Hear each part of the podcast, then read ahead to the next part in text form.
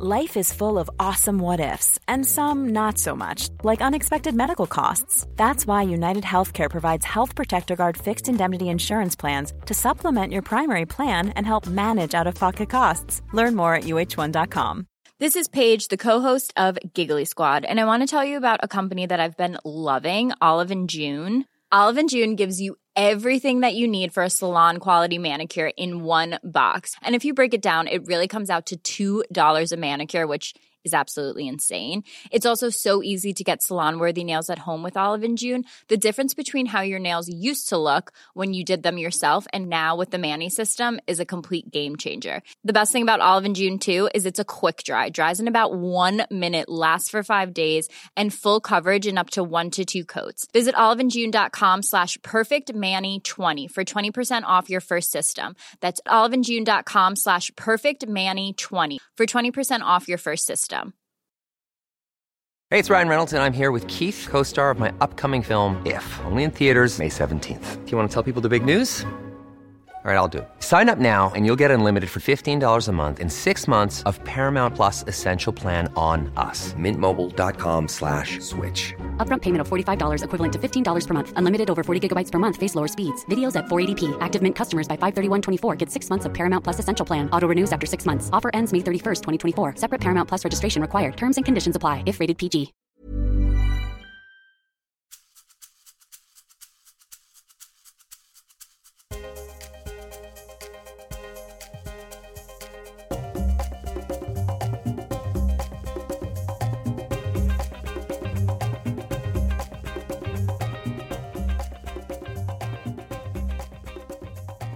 Hej, nu är det dags för ett nytt avsnitt av Karriärpodden med mig, Eva Ekedal. Den här gången gästas jag av generalsekreteraren för Svenska Röda Korset, Ulrika Årehed Kågström. Hon blev faktiskt den första kvinnan på den här högsta posten och där har hon drivit en stor förändringsresa efter den turbulenta krisen som var 2009, för er som kommer ihåg det. Och hon kommer att berätta mer om det också. Ulrika har en lång karriär som ledare också från Riksteatern där hon under många år hade olika roller. Bland annat eh, så var hon marknadschef och chef för ekonomi och samordning och också vice VD. Hon delar nu med sig av sina erfarenheter kring förändringsarbete och kriser och en hel del tips till eh, kvinnor och män för den delen i karriären. Jag känner mig också väldigt nöjd och glad att få ha en gäst som driver en verksamhet med det övergripande syftet att lindra och förhindra mänskligt lidande. Men innan vi startar så vill jag tacka min partner Manpower Group som gör det möjligt för oss att sända och producera Karriärpodden. Nu är det dags. Nu kör vi!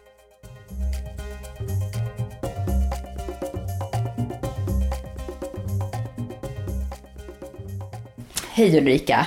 Hej Eva! Välkommen till mig och till Karriärpodden. Tack! Väldigt trevligt att vara här och ja. tack för gott kaffe. Ja, nu har vi fikat lite här. Mm. Du Ulrika, jag tänkte dyka rätt in i, i ditt liv. Oj! Säga. Kan man göra det? Jo, det kan man. Jag har ju fått lov att göra det nu. Mm. Ja, och du tänker dela med dig av lite både livserfarenhet och yrkeserfarenhet. Förhoppningsvis. Ja, ja. ja vad kul. Du, ehm, om man skulle liksom börja med att försöka förstå sig på hur, hur din karriär har sett ut. Mm, brokig eller spikrak. Ja, det är så eller? Ja, för jag fick ju se här i ditt CV att ja. Du tyckte inte det var en självklar väg eller? Nej, jag tyckte det var så här. Första jobbet så står det att du har varit, ja först var det turistbranschen, turistvärdinna. Ja. Och... Ja. Jag, alltså, när jag pluggade, jag läste till civilekonom och marknadsförare. Eh, och tänkte mig nog att jag skulle jobba i bolagsvärlden. Det var liksom min plan.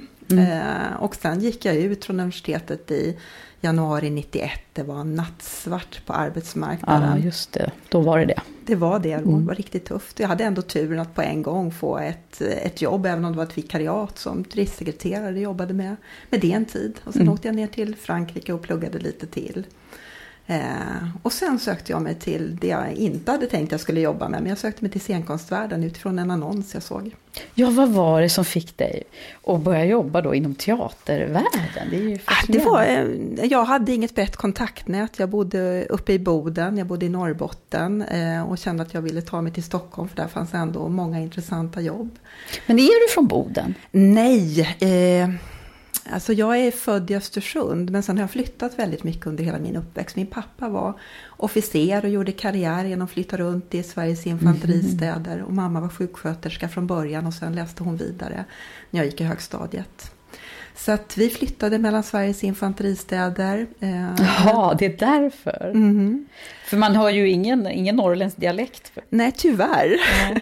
Det är väl det jag tycker är lite tråkigt. Jag önskar att jag hade lite mer av en dialekt. Så att hemma för mig är kanske inte så mycket en fysisk plats, att här har jag mina rötter och här kommer jag ifrån. Utan hemma för mig har alltid varit där jag haft min familj just nu. Min mamma och mm. pappa och min bror. Att vi har blivit väldigt tajta då genom att vi har flyttat. Ja, just det. Det är lärorikt det också.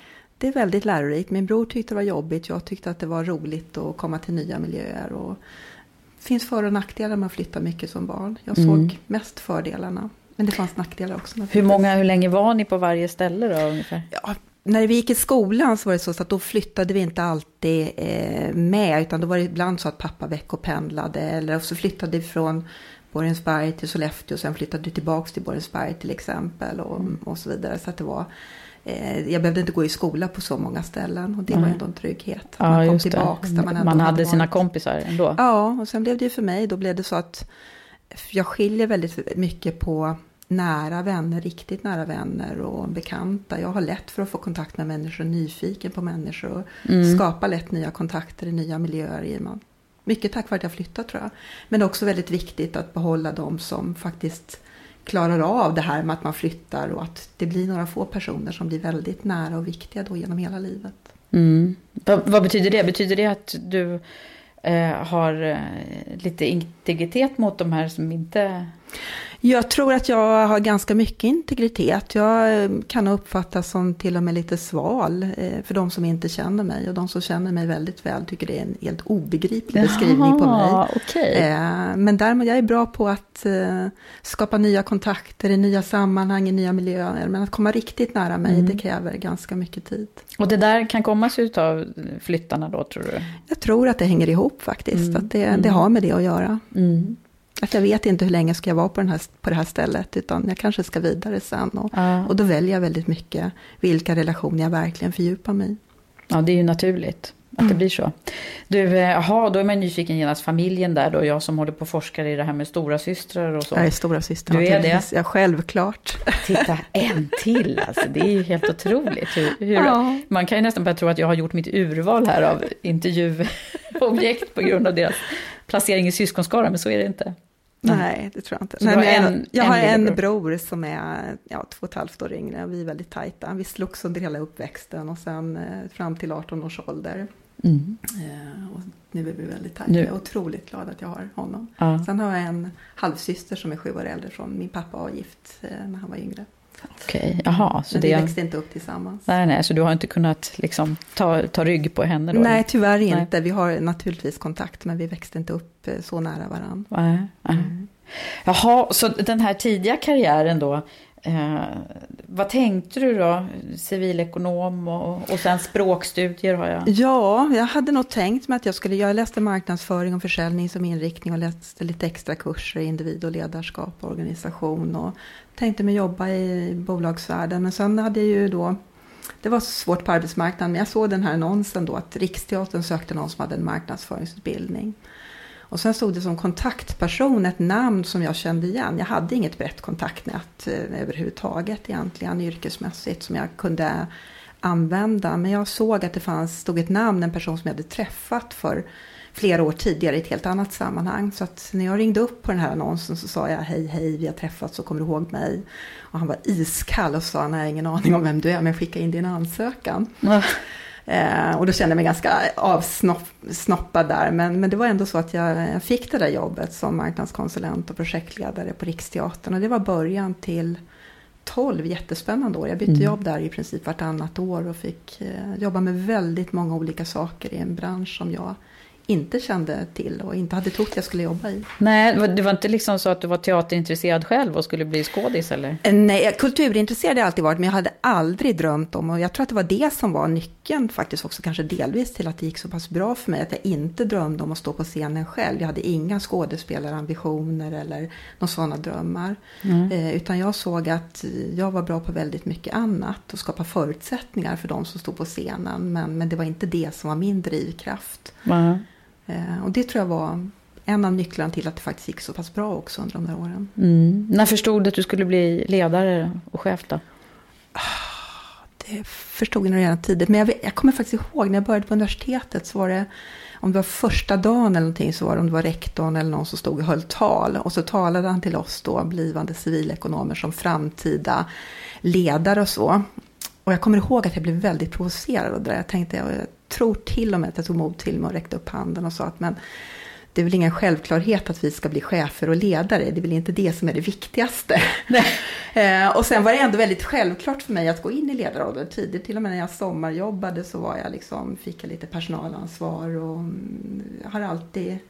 Eh, jag, har inte, jag sökte mig inte till ledarroller tidigt men det var självklarhet för mig att, att ta på mig det ansvaret. Och så, så småningom också eh, formellt bli chef ganska tidigt. Mm.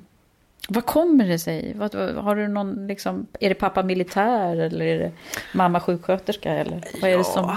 jag tror att det är nog ja, delvis pappa naturligtvis, men, men också mamma, eh, båda två. Att, att, eh,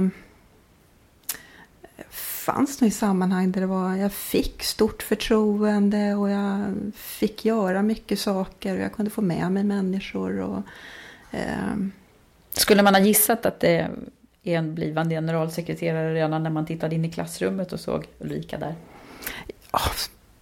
som barn var jag nog lite blyg. Eh, och jag var, men jag var ganska busig, jag hade väldigt livlig fantasi. Eh, mm. Eh, och hittade på mycket. Jag vet att som barn var det nog så att mina föräldrar nog ibland tyckte att det var tråkigt när lärarna hade synpunkter när jag var riktigt liten då på att jag och min bästa kompis hade dåligt inflytande på de andra barnen och drog iväg med dem på dåligheter. Det var väldigt oskyldigt bus och som barn. Det var väl mer under lågstadietiden. Eh, så då vet jag inte om någon hade sett mig som framtida ledare. Men jag lyckades få med mig de där barnen i buset. på buset? på buset. så att, eh, det var väl någonting möjligtvis. Och sen blev jag nog mer duktig flicka och ordning och reda. Och den som gärna satt långt fram i klassrummet. Eller mm. möjligtvis blev satt längst bak för att ta hand om de stökiga pojkarna i klassrummet. Okej. Okay. Mm mm. Var du duktig skolflicka? Jag tror att jag hade väldigt lätt för mig i skolan. Eh, jag hängde med på lektionerna och hade oerhört lätt för mig, lite för lätt för mig. För det var nästan en chock för mig när jag sen började på universitetet när jag var tvungen att börja plugga för allra första gången. Att inte då ha en studievana mm. utan ha haft allting som väldigt självklart. Det är inte alltid en fördel. Så det blev en ganska tuff start när jag insåg att jag för första gången var tvungen att börja plugga ordentligt mm. för att klara mig. Nyttigt Eh, men jag tror att det kan finnas fördelar om det kommer lite tidigare i livet. Ja, just det. Men det har gått bra med studierna då? Det har gått bra, det gick väldigt bra. Ja, men det var en chock när jag körde min första tenta och fick göra en omtenta där. Ja, ja. det är sådana nyttiga grejer. Väldigt att nyttigt. ta sig igenom. Mm. Jaha, och sen franska en massa. Mm, jag läste var, språk. Var du sådär frankofil och skulle liksom... Nej, jag, egentligen var jag var intresserad av både matte och språk och för mig var det, jag kommer ihåg redan när jag skulle välja gymnasiet så var det inte självklart, jag valde humanistisk linje för att kunna läsa latin och språk och tänkte att det är lättare att läsa in matte efteråt än vad att läsa in språken efteråt. Så att, eh, eh men det hade lika gärna kunnat bli natur eller uh -huh för mig var det liksom inte det där att det var givet vilken väg jag skulle gå. Utan det hade lika gärna kunnat bli naturvetenskaplig linje och gå, gå det steget. Mm. Uh, men du har sån här allround-begåvning alltså? Mycket av allt eller lite av inget. Det beror väl på hur man ser det. Ja, ja. Nej, men nyfiken på det mesta också. Mm. Tycker att eh, det är bra med en bredd. Mm. Eh, det är jag glädje av. Men du, om man skulle säga någonting om de här åren då på, på Riksteatern som mm. det ju mm. blev då. Mm. Eh, var det där första chefsjobbet kom också? På riktigt liksom? Ja, det var det. Eh, och det var att eh, man hade inte haft en marknadsavdelning. Man hade haft eh, Riksteatern då, när jag började där, var en, en organisation. Man hade tappat publiksiffror i många år. Men från det att man hade varit, kunnat lägga ut produktioner på lokala arrangörer och liksom styrt så här ska ni, här la man ut i princip turnéplaner och inte riktigt förstått att man var tvungen att börja sälja och konkurrera eh, mm. för att sälja sina produktioner till, till lokala arrangörer över hela landet eller internationellt också. Så man hade haft en informationsgrupp med roterande språkrör det låter verkligen stenålders det här. Men, ja, eh, och det gjorde jag då att man kanske inte hade tagit i svåra personalärenden i den Det är väldigt svårt om du ska liksom vara eh, ansvarig språkrör för din avdelning under ett års tid och sen ska en kollega gå upp och ta det där. Så är det inte riktigt man tar i personalfrågor och man kanske inte hade byggt upp en, en marknadsavdelning. Och sen tog man in en marknadschef utifrån som skulle göra den här informationsavdelningen till en marknadsavdelning och det, det blev en, en ganska Eh, jag tror inte man hade tänkt till det riktigt ordentligt. Det blev eh, olyckligt på för den personen som hade fått felaktiga förutsättningar och det blev ett väldigt stort motstånd inifrån organisationen. Så det var en ganska kort period som den personen var inne, tyvärr. Eh, men då fanns det väl en möjlighet plötsligt att då, då gick jag till den dåvarande vdn och sa att ja, det där jobbet är jag intresserad av att bli marknadschef. Och då tror jag att han tyckte Aha. redan att ja, men man hade ju provat en variant så ja, men nu kan vi väl låta henne pröva ungefär. Men det var du själv som, det här är ju också väldigt intressant. Ja. Det var du som gick upp och sa att... Ja, till dåvarande vdn och han skrattade lite grann först så här, mm. Eh, och tyckte att, men sen så pratade vi lite grann om det och så, så småningom så mm. Eh, fick jag det där uppdraget som marknadschef. Mm. Och skulle börja vända och få det här till att bli ett mer aktivt, en mer aktiv marknads och försäljningsavdelning. Och börja jobba med prissättning och publikarbete på ett annat sätt och hur man sålde produktionerna. För man hade också tagit betalt väldigt mycket utifrån hur, vad det kostade att producera olika saker, inte vad publiken Ville var beredd att betala. betala. Nej, så, okay. så lite marknadsanpassning där? Och, ja, det var alltså. ganska mm. mycket sånt. Det ja. var, blev början på ett fantastiskt förändringsarbete jag fick vara med om. Ja. Sen kom det en ny vd och eh, eh, initierade ett otroligt stort förändringsarbete. Och, eh, det var i samband med att jag skulle få mitt första barn som han tillträdde. Just det, för nu har du familj, två, två barn. Idag har jag familj, två söner, man och två söner, två tonårssöner. Mm. Just det. Men då kom mm. första, under när du höll på där och Ja, 96 så var jag då, jag var marknadschef och så fick vi precis en, en ny vd, jag tror han började i augusti eller september och min äldsta son är född första november. Eh, och två veckor innan han skulle födas så ringer då Thomas som vdn hette och sa Ulrika får jag komma hem till dig, jag behöver prata med dig. Så där. Jag tänkte okej okay, nu kommer det här tillfället som många väninnor har råkat ut för när man ska föda barn och så får man sparken mm. eller blir nergraderad eller någonting sånt. Oh. Jag tänkte det är lika bra att få veta det då innan jag går på föräldraledighet. Och så kommer han och så säger han, åh du Ulrika, jag kommer att göra om här, vi ska omorganisera och det kommer hända mycket och jag vill att du ska ta ett mycket större uppdrag. Eh, och det, han beskrev alla de här förändringarna som skulle genomföras. Jag sa, men Thomas Jugon, jag ska liksom ha barn här om två veckor. Ja, men det spelar ingen roll, jag är bara intresserad av att veta om du är med eller inte.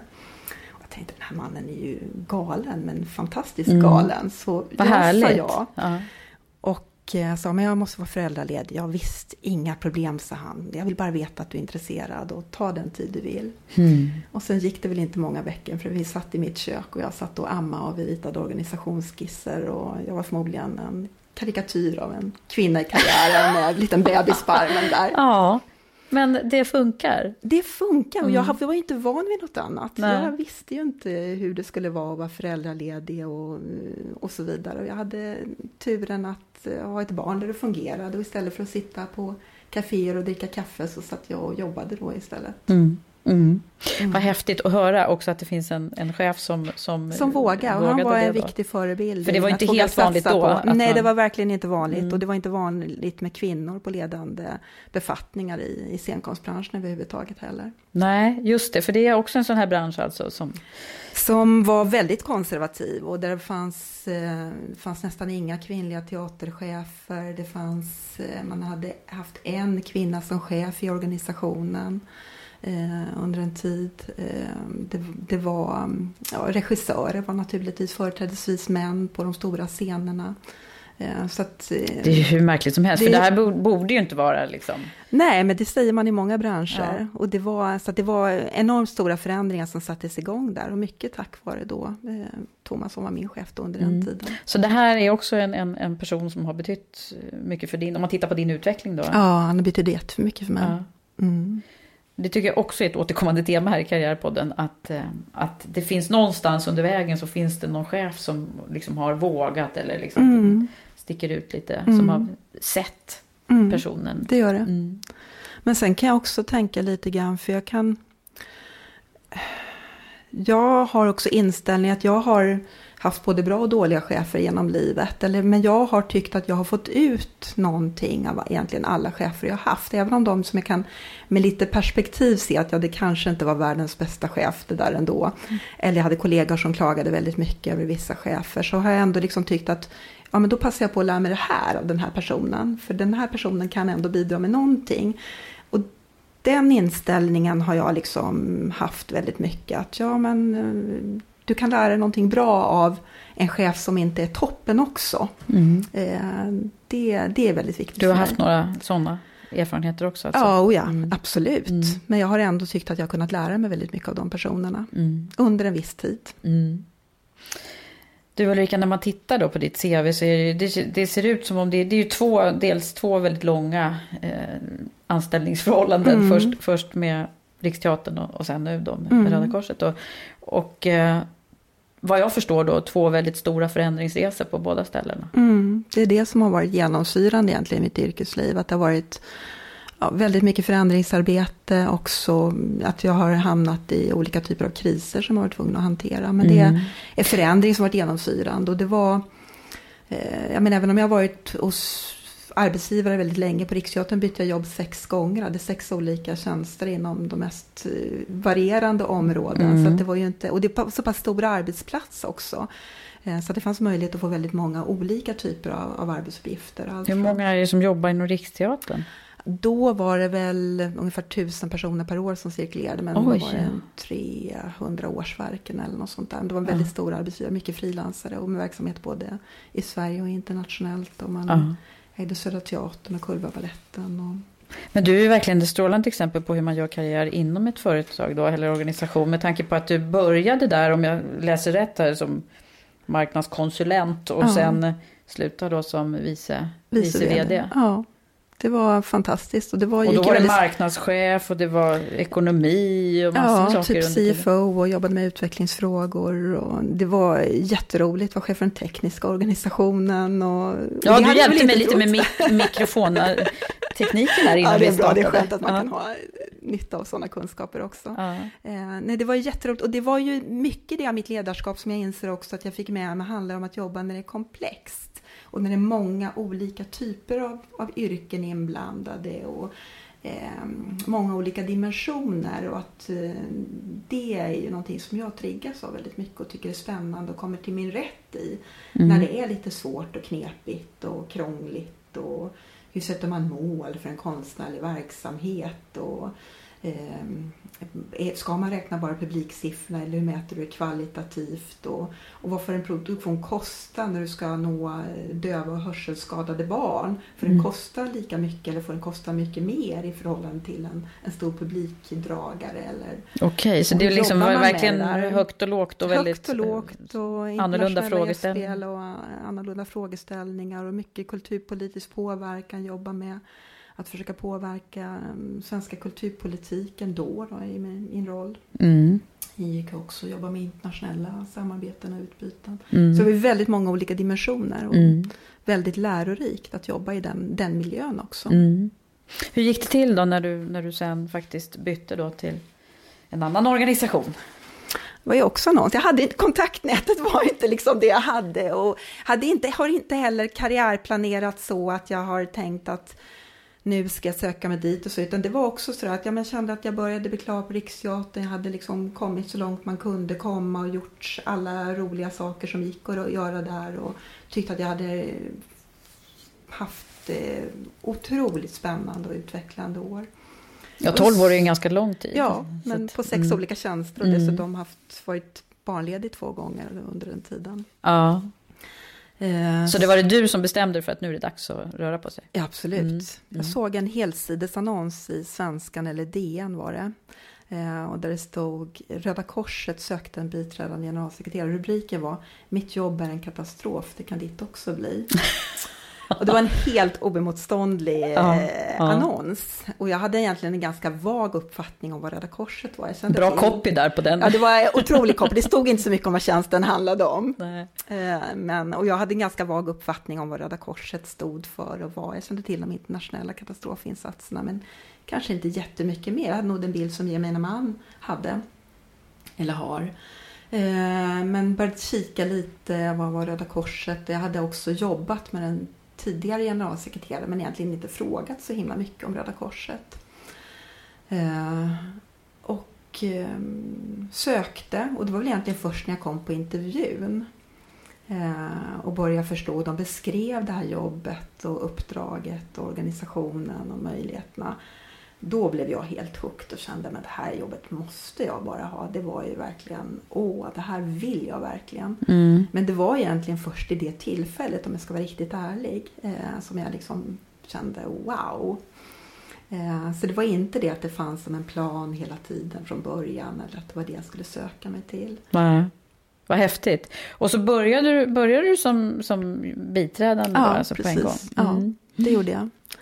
Och det här är då, om vi ska gå lite historien då, det är 2006. Så det är innan allting, allt tumult som Mm. händer internt. Eller ja, internt och internt. Det blev Mm. ju Mm. externt kanske man kan Precis. säga. Ja.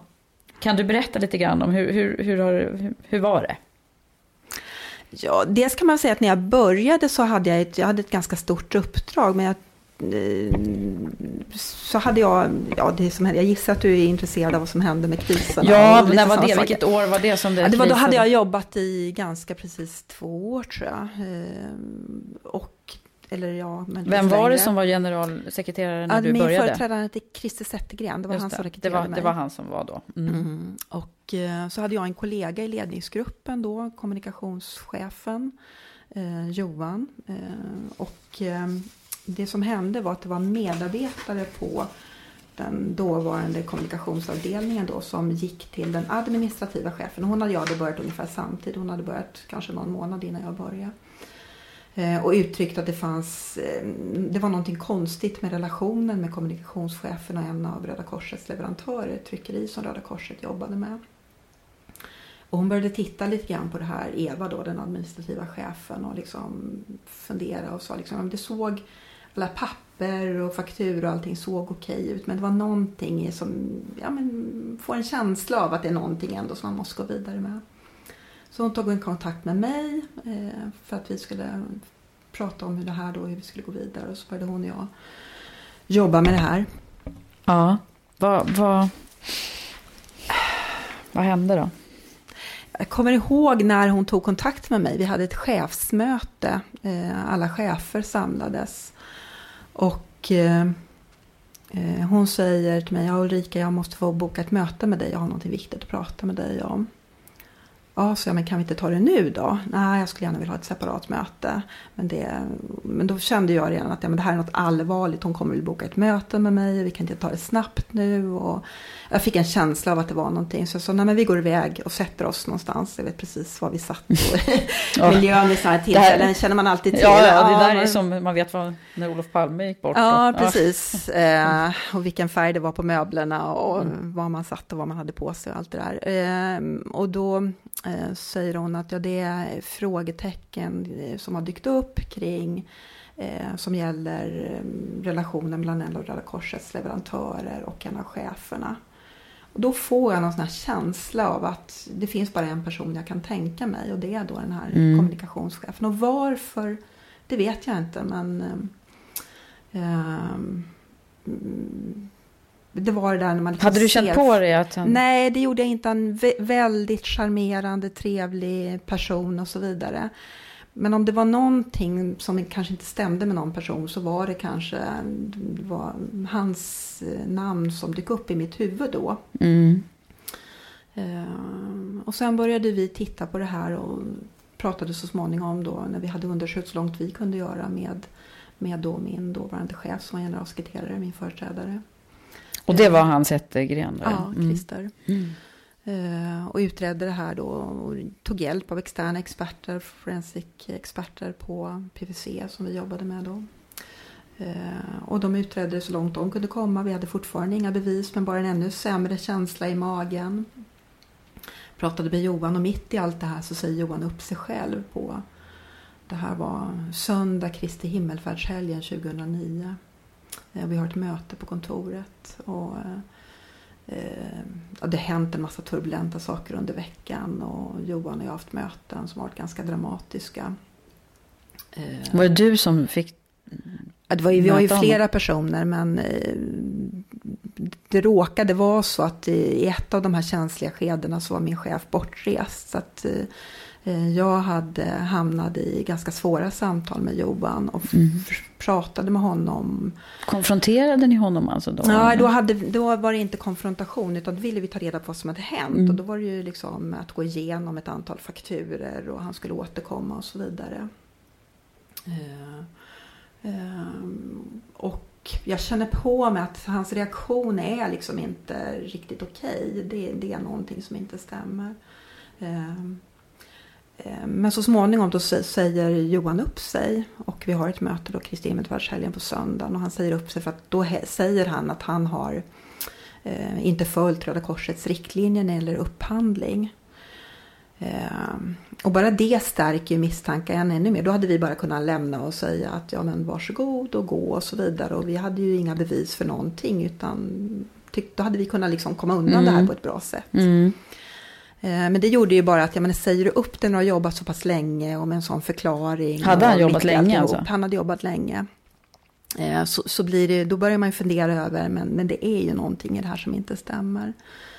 Eh, så att då, ytterligare någon vecka senare där i början av juni så bestämmer vi oss för att göra en polisanmälan och jag går till åklagaren, Riksenheten mot korruption och knallar upp där och bokat ett möte och beskriver då allt som har hänt mm. och händelseförloppet och så vidare. Och samtalen som jag haft med Johan. Och, eh, vi har fortfarande inga bevis för någonting men bara en väldigt dålig känsla. Så vi gör de polisanmälan som gäller trolöshet mot huvudman. Ja, okej, okay, det är så det heter då ja. Mm. Mm. Eh, och polisen börjar titta på det här och gör så småningom tillslag. Och sen ringer åklagaren mig då under sommaren och säger att uh, Ulrika, sitter du ner nu? Det här är nog betydligt värre än vad ni har kunnat tro. Ah, det var ännu mer? Ja, för då var, visade det sig att det var, man började ju rulla upp då ett väldigt stort bedrägeri. Mm. Uh, det var uh, inte bara en leverantör som var inblandad, det var ytterligare en leverantör. Det gällde inte bara Röda Korset, det gällde också där han tidigare varit anställd på Cancerfonden. Oh. det var ett enormt stort bedrägeri oh. som rullades upp då. Ja, men jag minns ju bara det här, hur ja. man liksom hörde det, men det, det var ja. inte hela historien. Det måste ju ha eh. varit eh, fruktansvärt att liksom vara Ja, det var det. Och då var det ju också, man ska hantera det som händer i en organisation. Du har medarbetare som ska förhöras och kanske så småningom eh, behöva vittna i en rättegång. Eh, du har, eh, vi hade hela tiden inställt att vi skulle vara proaktiva och öppna i kommunikationen. Vi förstod att det här var en potentiell jätteskandal mm. och kris. Mm. Eh, vi gick bet på kommunikationen, eh, delvis därför att kommunikationschefen var ju då skurken i det här fallet och vi klarade inte av att hantera den på ett bra sätt. Och vi hade bestämt oss för att inte spekulera och verkligen var, hålla oss till sanningen och vara väldigt faktabaserade. Och I det skedet så var det ju så att han lika gärna kunde varit helt oskyldig och då kunde inte vi gå ut och spela i förväg. Så vi var de sista som publicerade namn och eh, var ju väldigt, publicerade bara det vi visste. Vi ville inte heller förstöra förundersökningen och det gjorde ju att det uppfattades som att vi la locket på. Eh, och ljög för alla andra kunde ju spekulera och så vidare. Så det här blev ju eh, blev en fruktansvärd kris. Hur länge höll det på egentligen? Det var 2009. Det höll på väldigt länge, för ja. det tar ju lång tid sedan innan åtal väcks. Eh, det tog ju då drygt ett halvår. Och då väcks dessutom åtal i samband med att det blir den här stora jordbävningen i Haiti 2010. Ah. Eh, och sen tar det Så det var liksom kris på ja, kris här och sen kan man är det ytterligare ett antal månader då innan det blir eh, första förhandlingarna i tingsrätten och sen överklagas det till hovrätten. Eh, Och sen valde Johan också att då söka prövningstillstånd i Högsta domstolen stolen, och då tar det ytterligare sex månader innan du får besked om huruvida prövningstillstånd beviljas eller inte. Så det här Men är en process som tar... han någon gång eller? Eh, nej. Han har fortfarande inte gjort det. Men han, men han sitter häktad nu. Han, har, han sitter fortfarande, han fick fem års fängelse, Fängelse. så att han, är väl, han blir väl snart släppt på fri fot. Mm. Han och två stycken externa personer dömdes också till fängelsestraff. Då. Och deras fängelsestraff var inte lika långa. Ja. Och det var väldigt många brottspunkter då, eller många eh, Mm. punkter.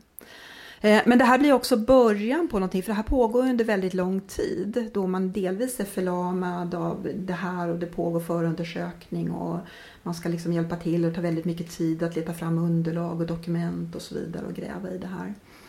Eh, Och medarbetare som är oroliga, de som kanske sitter och väntar på att de ska mm, behöva vittna och andra som liksom inte vet så mycket men som gärna vill hjälpa till eh, och eh, dela med sig av det Mm. de tror kan hjälpa till i den här utredningen och som, som kanske inte alltid är en, en hjälp utan snarare kan hjälpa då i och med att det blir konstig information. Eh, Och samtidigt så när en sån här kris uppstår så, så blir det så att det kommer nya kriser på det. Då börjar man granska Röda Korset utifrån från andra perspektiv. Mm. Då börjar man granska en konferensanläggning som Röda Korset ägde, eh, hur den fungerade. Man började titta på ordförandes arvodering. Just det, var det Bengt, Bengt Westerberg då ja. Mm. då. Och började ifrågasätta eh, varför han skulle vara arvoderad, någonting som hade funnits för alla Röda Korsets ordförande sedan 80-talet. Och det blev också väldigt mycket Bengt som medial figur som hamnade i fokus, som hade stått väldigt mycket för civilkurage och så vidare. Eh, med sin politiska bakgrund då. Eh, så det här blev ju, förtroendet för Röda Korset sjönk enormt. Vad, vad, då måste jag bara fråga, var var du någonstans i det här då? Minns du hur, du liksom, Ja. hur mådde du? Ja, jag jobbade ju i då den här krisgruppen och visste ju väldigt mycket och skulle hjälpa poliser, skulle hjälpa liksom, eh, till i organisationen och försöka staga upp och så vidare. Och det är ju väldigt blandade känslor i det här. Jag hade kontakt med Johan under väldigt lång tid, ända fram till den samma dag han blev häktad. Ehm, eh, ja, det, det, det är mycket turbulent, men det, det jag i den där typen av situationer så blir jag också väldigt uppgiftsfokuserad. Mm. Det är så du funkar? Ja, då, Mm. så funkar jag. Det, I kriser vet jag det och i alla typer av kriser så har jag hittills agerat och reagerat så att jag blir ganska Uppgiftsfokuserade. Vad är det viktigaste? Vad är det vi måste göra? Eh, ha koll på vad, vad måste göras? Se till att det dokumenteras känsliga saker. Ibland ner på liksom minutnivå. Eh, veta vem som gör vad och inte. Eh, men hade du ett bra stöd mycket. då? i- Var, var, Christer Zettergren, var, var han med hela... Ja, men han var ju naturligtvis skakad själv också. Det måste Mm. man ju förstå. Det var ju, Johan var nog den person som jag tror han hade närmast relation med i ledningsgruppen. Inte utanför arbetet, men som jag tror att han tyckte det var roligt att jobba med. Och, eh, nu spekulerar jag, men det var jag, bara vad jag tror. Att jag tror att han tyckte att det var roligt att jobba med Johan och att eh, de funkade bra tillsammans professionellt och så vidare. Så att jag tror att han, han hade nog fullt upp med att liksom mm, bearbeta det svek som han tror jag personligen också kände att han var utsatt för. Inte bara för organisationens Nej. skull men också på ett personligt plan. Och det tycker jag är, det är fullt förståeligt. Även om det är, när man är inne i det där eh, så vill man ju naturligtvis att den som är ytterst ansvarig ska stå där stark och stadig. Och det är inte alltid man kan göra det. Nej. Eh, Men vad var du då? Kunde du stå där stark? Var det du som fick stå stark och jag kunde stadig nog då? vara stark och stadig. Delvis för att jag var lite mer utanför och inte hade varit lika länge. Eh, och på så sätt kunde se lite mer nyktert på det. Och dessutom hade jag varit med om en kris som var betydligt värre tidigare när jag jobbade på Riksteatern. När vi satte upp produktionen 7-3 med i regi av Lars Norén då med en skådespelare och tre stycken eh, kriminella personer. Och en av dem, varav två stycken hade starka nynazistiska åsikter. Just det, det här minns jag också. Ja, och där efter den här avslutade turnén så är det en av dem eh, här då som hade varit på Riksteatern under en tid, Tony Olsson, som avviker från en vanlig normalpermission och är med och genomför polismorden i Alexander. Mm. Och då kan man prata om kris. Där var det dessutom människoliv det handlade om. Vad som händer i organisationen, vad som händer medialt. Ehm, jag hade med mig den erfarenheten eh, när det här inträffade på Röda Korset. Är inga andra jämförelser i, i händelseförlopp och så vidare. Men, men eh, det som händer när en organisation hamnar i kris är ofta väldigt likartade scenarier. Och, eh, hur medarbetare reagerar, hur media reagerar. Eh, ja, den, den, dynamik som uppstår. Mm. Hur en kris ofta leder till en annan kris och hur vilka personer som hamnar i blickfånget, vilka, hur svårt det blir också på individnivå när, mm. när personer blir väldigt eh, upplever sig väldigt attackerade. Ja, och jag menar det kan ju, den stolthet som man annars eh, känner för att jobba för en, en organisation, jag tänker på Röda Korset mm. då, som gör gott och så. Mm. Det, det, är på något sätt dubbel effekt eller? Är det är det precis som... det det är och det var likadant samma sak på Riksteatern. Man var van att förknippas med underhållning och någonting ja. positivt och kultur och var verkligen de goda. Röda Korset ännu mer, liksom världens största främsta katastroforganisation och de som finns där i alla kriser. Mm.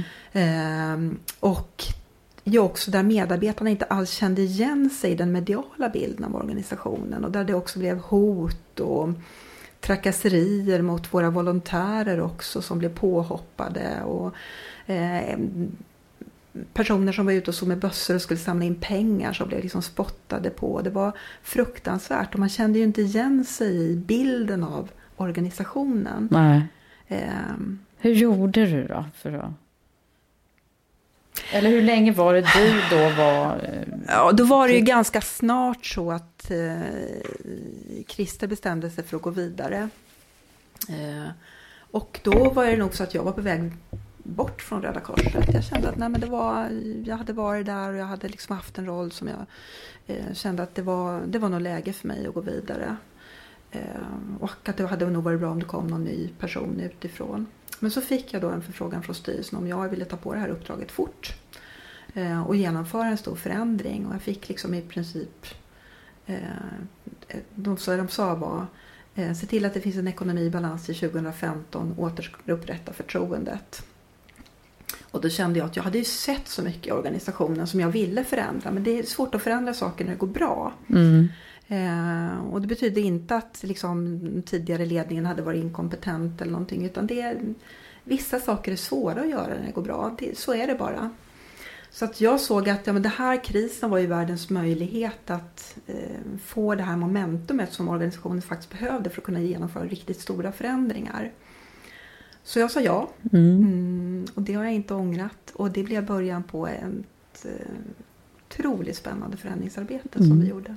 Och det har ni hållit på med nu i fem år då eller? Vad det kan ja, bli? precis. Mm. Det, vi började och det gick väldigt snabbt i början. Det var, och det var också för att göra skillnad mot vad det varit tidigare. Det var liksom mm, i en stor organisation så är det ofta att man har långa processer och alla ska inkluderas och man ska ha remissrunder och så vidare.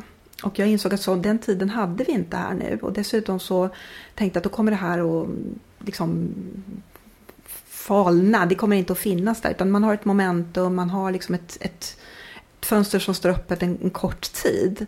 Eh, och under den tiden så kan jag göra väldigt mycket om jag skyndar mig. Ja, Okej, okay. vad gjorde du då? Eh, ja, men det var ju att först skapa en krismedvetenhet i organisationen och det, den fanns ju delvis där och sen så liksom prata väldigt mycket om den och liksom prata om never waste a good crisis. Att, eh, eh vi målade upp, jag skapade, rekryterade snabbt en ny ledningsgrupp där några personer kom inifrån och några kom utifrån. Eh, och och ehm, där vi blev ett väldigt liksom, tätt sammansvetsat team som jobbade med den här förändringen. Eh, och där vi målade upp det vi kallade för den bistra verkligheten. Eh, där vi målade upp omvärldsförändringar inom internationellt bistånd, inom hur det såg ut i Sverige, inom ehm, kommunikationssidan, ett antal områden och visade det här för medarbetarna. Och det vi hade gjort, alla medarbetare kände att jag inom mitt område, där hade man ju sett de här förändringarna, utmaningarna och allting och visste att det borde förändras någonting. Men det vi gjorde var att vi målade upp i en stor, ja, i hörsalen i, i This is Paige, the co-host of Giggly Squad, and I want to tell you about a company that I've been loving, Olive and June. Olive and June gives you everything that you need for a salon quality manicure in one box. And if you break it down, it really comes out to $2 a manicure, which is absolutely insane. It's also so easy to get salon worthy nails at home with Olive and June. The difference between how your nails used to look when you did them yourself and now with the Manny system is a complete game changer. The best thing about Olive and June too is it's a quick dry, dries in about one minute, lasts for five days, and full coverage in up to one to two coats. Visit oliveandjune.com slash perfect manny 20 for 20% off your first system. That's oliveandjune.com slash perfect manny 20 for 20% off your first system. I'm Sandra, and I'm just the professional your small business was looking for. But you didn't hire me because you didn't use LinkedIn jobs. LinkedIn has professionals you can't find anywhere else, including those who aren't actively looking for a new job but might be open to the perfect role, like me.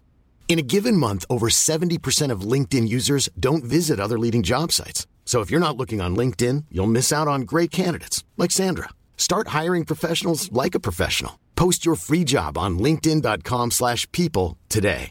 Many of us have those stubborn pounds that seem impossible to lose, no matter how good we eat or how hard we work out. My solution is PlushCare. PlushCare is a leading telehealth provider with doctors who are there for you day and night to partner with you in your weight loss journey. They can prescribe FDA-approved weight loss medications like Wagovi and Zepbound for those who qualify. Plus, they accept most insurance plans. To get started, visit plushcare.com slash weight loss. That's plushcare.com slash weight loss. Hey, it's Ryan Reynolds, and I'm here with Keith, co star of my upcoming film, If, only in theaters, May 17th. Do you want to tell people the big news? All right, I'll do it. Sign up now and you'll get unlimited for $15 a month and six months of Paramount Plus Essential Plan on us. Mintmobile.com slash switch. Upfront payment of $45 equivalent to $15 per month. Unlimited over 40 gigabytes per month. Face lower speeds. Videos at 480p. Active Mint customers by 531.24 get six months of Paramount Plus Essential Plan. Auto renews after six months. Offer ends May 31st, 2024. Separate Paramount Plus registration required. Terms and conditions apply if rated PG. Hey there, it's Michelle Norris. I'm host of a podcast called Your Mama's Kitchen. When I travel, I'm usually looking for a way to find a taste of home when I'm not at home. And one of the things I love to do when I am at home is entertain. And Airbnb allows me to do that. When I was in California recently, I rented a house that had a great kitchen. And when we were sitting around the table, we're all thinking, we're in someone else's house. Someone could be in all of our homes as well. If you have a home, but you're not always at home, you have an Airbnb. Your home might be worth more than you think. Find out how much at airbnb.com/slash host. på ett, på ett av kontoren då, så satte vi upp enorma bläddor och block i hela salen. Där vi visade på den bistra verkligheten på alla områden. Eh, och medarbetare är ju smarta, alla hade ju sett sitt eget lilla område. Nu fick man se liksom vilka utmaningar vi stod för som, som, Som helhet. Som helhet. Mm, mm. Och det blev ju verkligen en känsla av att eh, ja, men här, alla förstår att någonting måste göras. Någonting stort måste göras. Och sen tillsatte vi sex stycken projektgrupper som skulle genomlysa då, eh, områden som vi skulle förändra på väldigt kort tid. Eh, och jag tillträdde i juni och vi hade ett förslag till styrelsen i oktober om eh, neddragningar och förändringar som gick ut på att vi skulle... Hur många anställda var det i Sverige då? Ja, då var det cirka 450 anställda. Och sen gick vi ner till, en, vi hade en grundbemanning på 210 plus ett antal visstidsanställda då. Så det var ganska stora Ja, så neddragningar. vi sa upp i princip hälften av all personal. Vi la ner ett 30-tal kontor i Sverige, ner från 34 ner till 4. Vi fasade ut verksamhet i ett 20-tal länder. Vi la ner massor med program som vi hade haft i Sverige. Det var bra verksamhet, men det var eh, det var liksom inte tydligt vad var medvärdet för att Röda Korset skulle bedriva det här. Den här verksamheten. Det fanns, vi hade till exempel fyra stycken antidiskrimineringsbyråer. De var jättebra.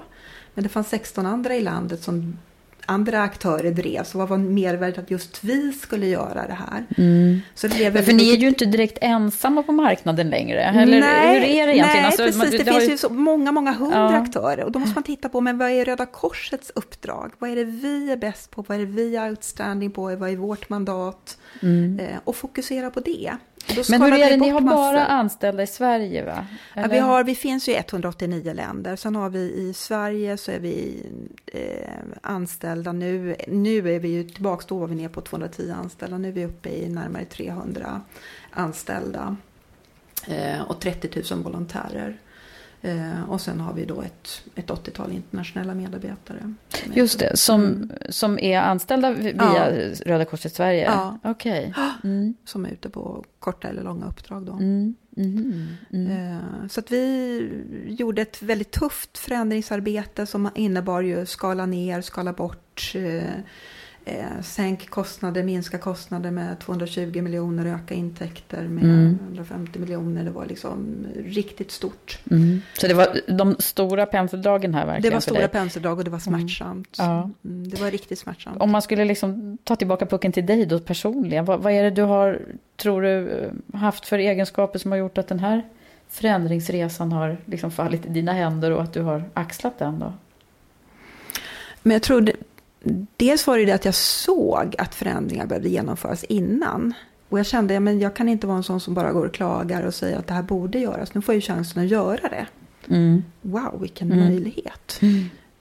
Att inte Så bara... du har liksom gått i bräschen lite grann för att nu ska vi Ja, och då är det ju, det var ju det, det var ju därför jag tog uppdraget, annars hade jag aldrig tagit det. Ehm, om jag inte hade fått göra de förändringarna, då hade det varit helt ointressant för mig och meningslöst. Då hade det varit bättre med någon annan. Men det var ju det att jag såg att det fanns liksom den här möjligheten att, att liksom för Röda Korset skulle kunna bli det Röda Korset är och grunden igen. Och, och göra det så mycket bättre och så mycket smartare och så, så mycket mer effektivt. Det betyder inte att det var ineffektivt tidigare. Men, men det liksom handlar om att se vad, vad är det idag och vad ska det vara imorgon. Eh, och göra Och hur är det idag då nu om man skulle liksom ta tempen på Röda Korset? Det går ju fantastiskt bra. Det är ju, det har ju- gick ju mycket fortare att både återskapa förtroendet och eh, öka intäkterna och insamlingarna än vad vi hade vågat hoppas på. Eh, såg senast nu för några veckor sedan åkte vi liksom upp i den här förtroendebarometern igen med 10 procentenheter på två år tror jag bara. Och vi ökade senaste året antalet regelbundna givare, antal månadsgivare med 67 procent. Och, och vi gör ju mer och vi växlar ju upp och skalar upp verksamhet. Både internationellt och i Sverige idag. Vi utökar verksamheten när det gäller för ska vi vara liksom den främsta katastroforganisationen så handlar det om ja, men var i världen ska vi då befinna oss, vilken typ av kriser och vad ska vi bidra med.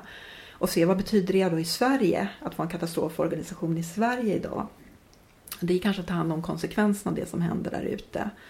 Och då blir det mycket kopplat till människor på flykt och vad gör vi då? Ja, men vi driver till exempel ett rehabiliteringscenter för krigs och tortyrtraumatiserade i Sverige på fem platser. Vi jobbar mycket med migrationsfrågor, skalar upp stöd i mottagandet eh, för alla de asylsökande som kommer. Mm. Eh, och sen också vad ser vi utsattheten förändras i Sverige idag? Ja, men det är ju storstädernas förorter, socioekonomisk utsatthet.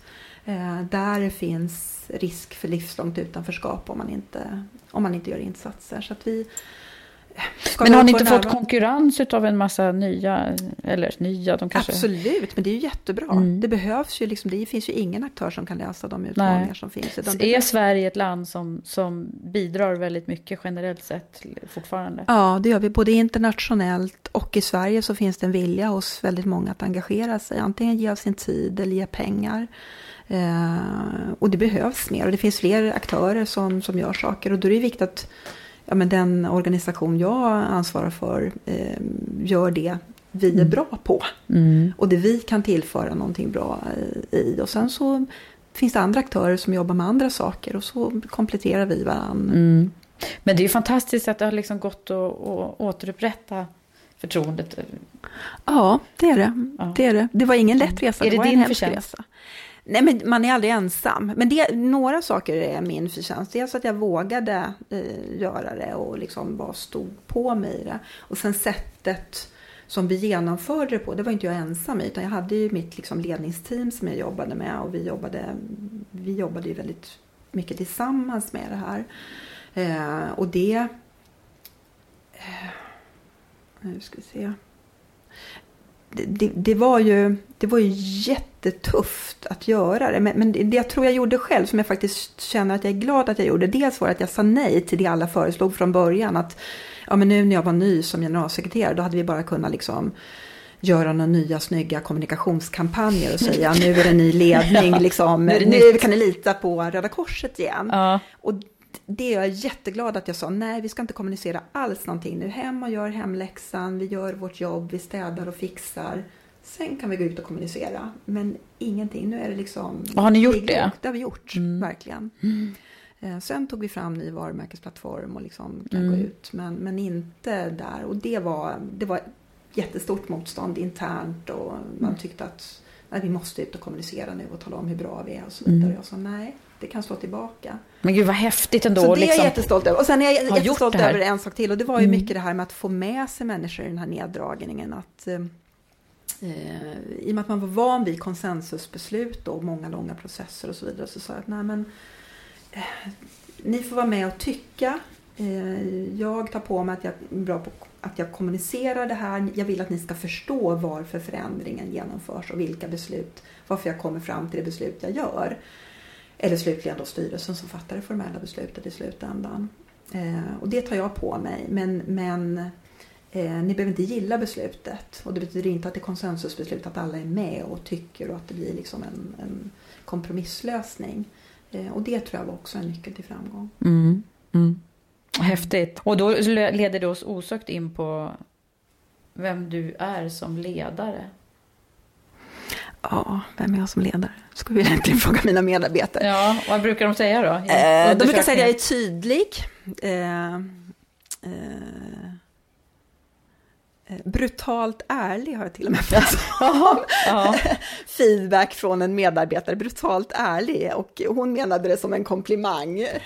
Ja, okay. eh, har jag tolkat det i alla fall som. Ja. Eh, är, och du tog det så också? Jag tog det så. Ja. Jag, är, jag, är, tydlig, jag är bra på att kommunicera. Jag är inte så rädd för att jobba med starka människor. Jag vill helst jobba med starka människor och jobba med team. Jag är inte en sån som sitter inne på kammaren och tänker ut totalt och tar lösningar själv, utan jag behöver jobba med starka människor runt omkring mig och så kommer vi fram till olika saker. Det betyder inte att vi sitter och grupparbetar hela tiden. Men, mm. eh, men jag jag skulle säga att det, det är väl också en av mina nycklar, att jag är väldigt bra på att rekrytera.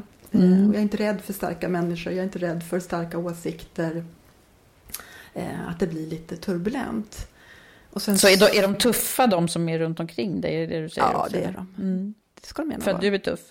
Jag vill att de ska vara tuffa för att jag tycker att, eh, det, och det fick jag nog med mig från, från kulturbranschen faktiskt. Mm. Eh, att våga jobba med starka människor. Mm. Och inte vara så rädd för att du har medarbetare som överglänsar dig genom olika områden. Utan bara snarare se det som en fördel. Mm. Eh, att du har liksom de vassaste på sina områden. Mm. Det förtar inte liksom ditt eget jobb. Utan... Vad, är vad tror du att det är som har gjort dig så framgångsrik som du ändå har blivit och är? Vad är det för grejer som har påverkat tror du? Jag tror att eh, vissa saker har man ju med sig hemifrån och fast man inte vet om att man har det. Och för mig var ju det här med flyttarna tror jag, tror jag bidrog till att jag var tvungen att liksom ta mig in och vara nyfiken och skapa relationer och så vidare. Komma in i nya miljöer. Det har naturligtvis bidragit. Men sen tror jag att jag har jag är genuint intresserad av, av människor. Jag, det jag får höra från mina medarbetare det är att jag ofta är närvarande. Jag kan vara superstressad och se ut som att jag eh, springer på väg. Men när jag väl sitter i ett möte eh, och det, det är viktigt, då, då är jag verkligen här och nu. Jag är väldigt närvarande. Jag har en förmåga att då vara vara, vara här och mm. ingen annanstans. Mm. Och, och, ta in och höra och lyssna. Jag kommer ihåg vad folk har sagt för länge sedan. Så att jag kan liksom fortsätta ett samtal. Eh, jag tror också att jag har en förmåga att fånga upp och se människors talanger. Det, det är en av mina saker. Jag ser mönster väldigt lätt. Men... Hur har du själv gjort och liksom jobbat med dig själv under de här åren? Har du haft, har du haft några före, tydliga förebilder själv när det gäller ledarskap och så? Eller? Ja, många. Eh, dels är det väl det här som jag också. Att jag har försökt liksom fånga upp, jag har försökt lära mig någonting egentligen av varje chef jag haft. Eller genom åren och försökt se vad gör han eller hon som, som, är, som är någonting bra. Eh, sen har jag haft eh, mentorer eller coacher på olika sätt i olika faser. Mm. Eh, Under de här tuffa sessionerna då, har du själv fått stöd då? Eller tagit hjälp? Ja, det har jag gjort. Ofta så pallar man inte riktigt när man är mitt i det. Nej. Eller jag gör inte det i alla fall, för då är jag helt liksom fokuserad på det här. Utan det kan mer vara efteråt, efteråt mm. eller någon som hjälper en att reflektera eller någon som har varit med om något liknande. Och, eh, och när man, det är ofta när jag får distans till det som det är lättare att dra ur några lärdomar av det också. När man mm. är mitt uppe eller när det precis Nej, har hänt. Då, mm. då är det svårt, det är inte så himla eh, mycket konstruktivt. Då är man också inne på att lite grann, eller jag kan då vara inne lite grann på att försvara det man har gjort och förklara varför man har gjort som man har gjort. Och förklaringar finns det alltid, men men ska du få något långsiktigt lärande av det så måste du ha lite distans och lite perspektiv. Mm. Vad är de liksom stora lärdomarna som du har tagit med dig då hittills?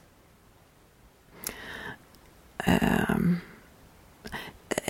ja, nej men det handlar väl lite grann om, om vikten av att um, vara tydlig med i förändring. Um, att, att våga stå där och våga ta beslut och ta människors frustration det, det att våga möta det. Liksom. Våga möta det. Och det införde vi också. Att kunna ha öppna webbsända informationsmöten med all personal. Där de kunde skicka in frågor anonymt också. Jag stod där. Det var ju hemska frågor som kunde komma. Som var liksom nästan mm. personpåhopp under vissa perioder. När du står och ska liksom säga upp så många människor. Mm. Så kommer det. Ehm, och ehm, men att våga stå där ändå. Och nu har vi fortsatt med dem där och nu är de ju så snälla och milda. Så, men, men de är bra mm. att ha de fora för sen när det hettar till nästa gång eller det händer någonting igen så, eh, så har man visat att man, man faktiskt kan stå där. Man, kan, mm. man har inte svaren på allting men man, man är beredd. Men har du en väldigt utsatt roll så här, i, mer än andra ledare tror du? Jag tror att den är ganska utsatt. Mm. Mm. Jag kan inte säga att den är mer, man kan aldrig jämföra. Nej. Men Nej. jag tror, den är mm. utsatt mm. i och med att den är både eh, många olika intressenter, både i mm. Sverige och internationellt. Eh, medialt påpassad. Mm. Och så med den här historiken också. Historik och eh, så är den väldigt påpassad. När man tittar på annars, eh, jag är lite nyfiken på hela organisation också, hur, hur det är. Jag, jag kan tänka mig att det är, eller för min del är det i alla fall så att man så här, åh, en ideell... Liksom, det, verkar, det känns ja. så fint och behjärtansvärt på något oh, sätt. Ja. Eh, är det så också? Är det sådana människor ni lockar till er? Vi lockar till, det fördelen är att det är lätt att få människor engagerade. Mm. Det är mm. den stora fördelen. Sen tror jag att man ska vara med. Det är faktiskt eh, en professor på Handelshögskolan som jag använt vid några tillfällen som jag tycker är väldigt klok man. Och han, han har hjälpt mig med något tillfälle och sagt att ja men eh, ledare som kommer från näringslivet kan kanske i slutet av sin karriär tänka att nu vill jag göra något gott, nu vill jag vara den snälla fina ledaren. Så nu ska jag kanske gå in i ideell sektor eller göra någonting eh, behjärtansvärt. Eh, och så blir det en total kulturkrock, för det är där du behöver vara den riktigt tuffa ledaren. Mm. Eh, och stå emot, det är många viljor, det, du, det räcker inte att liksom, du kan inte peka med hela handen, du måste använda väldigt många olika eh, ledarinstrument och du blir väldigt påpassad. Mm. Eh, och det utvärderas utifrån otroligt många dimensioner. Det är inte bara en eller två dimensioner som det utvärderas utifrån utan det är otroligt eh, mångfacetterat. Mm. Jag vet inte om det stämmer men det är, det vad han brukar säga mm. att det mm. krävs en ganska tuff mm. ledar ledare för att, att klara av det. Mm. Och, och det tror jag stämmer, för det är, ett, det är ett väldigt tryck och många olika viljor. Och där eh, tror jag att jag ja, men jag vågar stå pall faktiskt. Ja, ja, och det betyder inte att jag är mm, eh, auktoritär eller någonting sånt, det tror jag inte.